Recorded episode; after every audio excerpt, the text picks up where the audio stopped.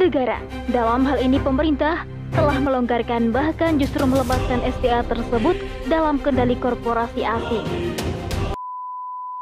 Mau tahu lebih lengkapnya? Yuk stay tune terus di podcast Narasi Pos. Cerdas dalam literasi media, bijak menangkap peristiwa kunci. Hai Sobat Narasi Pos, salam hangat dari saya, Devi Fitriana.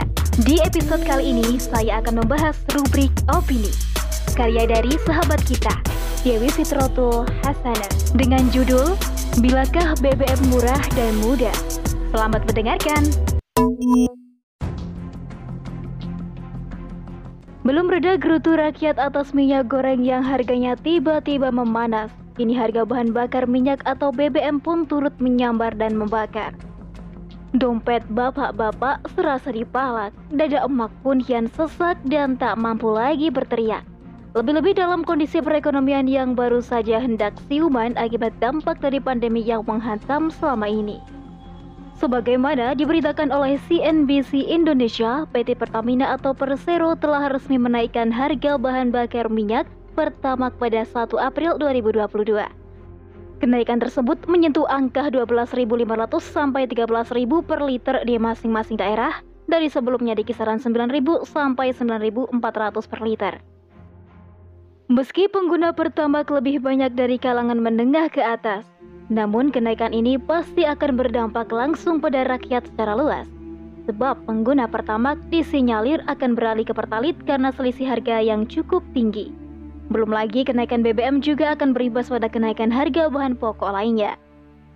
Direktur Utama Pertamina, Nike Widiawati, menjelaskan bahwa kenaikan BBM tersebut diakibatkan lonjakan harga minyak mentah dunia dan kenaikan BBM pun terjadi di seluruh dunia, bukan hanya di Indonesia. Penjelasan tersebut membuat kita menalar, sesungguhnya Indonesia adalah negara kaya akan sumber daya, baik dari alam maupun manusianya.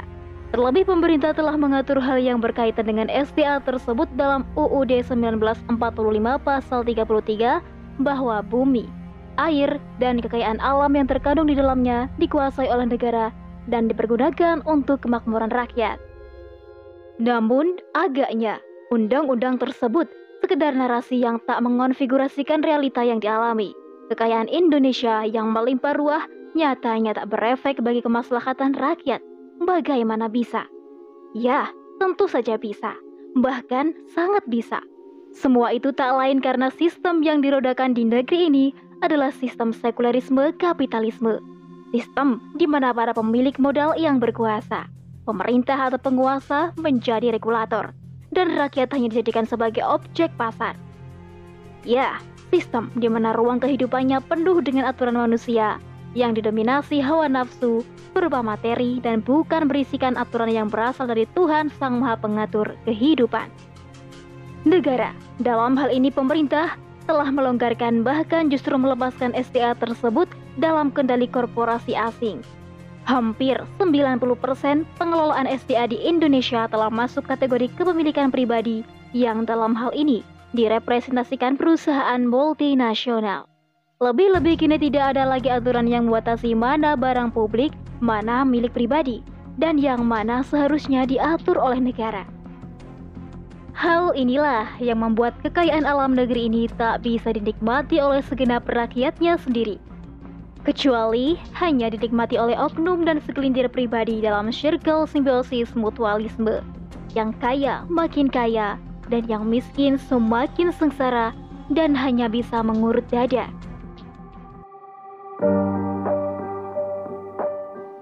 Tak sama ketika sistem Islam yang dijadikan sebagai pedoman Dahulu Rasulullah Shallallahu Alaihi Wasallam pernah membuat kebijakan yaitu memberikan tambang kepada Abiyat bin Hamal al-Mazini.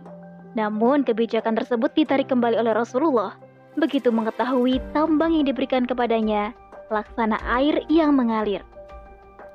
Dari contoh kebijakan Rasulullah tersebut, individu diperbolehkan menguasai area tambang jika luas dan depositnya sedikit. Hasil dari barang tambang yang diperoleh oleh individu tersebut dikenakan humus atau seperlimanya untuk dimasukkan ke dalam baitul mal sebagai bagian dari harta fai. Sedangkan barang tambang yang jumlahnya tidak terbatas, maka individu atau swasta tidak boleh menguasainya. Sebab barang tambang tersebut adalah milik umum yang hasilnya akan dialokasikan ke dalam kas Baitul Mal, di mana darinya akan digunakan untuk sebenar-benarnya kemaslahatan seluruh rakyat. Rasulullah Shallallahu Alaihi Wasallam bersabda, kaum muslim bersekutu dalam tiga hal, air, padang, dan api. Hadis riwayat Abu Daud. Hadis ini telah menegaskan bahwa ketiga SDA tersebut merupakan milik umum dan tidak boleh dimiliki oleh perorangan atau swasta. Dengan demikian, penguasaan SDA di tangan negara tidak hanya akan berkontribusi pada keamanan penyediaan komoditas primer untuk keperluan pertahanan dan perekonomian negara, tetapi juga menjadi sumber pemasukan negara yang melimpah pada pos harta milik umum. SDA adalah faktor penting bagi kehidupan umat manusia. Tapi sayang seribu sayang, saat ini berbagai SDA dikuasai oleh asing sehingga negara tak memiliki kuasa apa-apa kecuali manut atas harga kebutuhan pokok termasuk BBM sesuai dengan dikte asing. Di sini lagi-lagi nasib rakyat tidak lagi dipikirkan oleh negara atau pemerintah. Satu-satunya solusi atas permasalahan ini adalah kita harus berjuang mengembalikan kedaulatan umat atas kekayaan SDA yang mereka miliki. Tidak bisa tidak, semua itu harus ditempuh dengan menerapkan sistem Islam secara kafa dalam wujud negara. Sungguh, ketika negeri ini kembali bersistemkan Islam secara kafa, maka dambaan rakyat akan harga semua kebutuhan pokok dan BBM dapat diperoleh dengan harga yang sangat murah dan mudah dapat terwujud. Wallahu a'lam bishawab.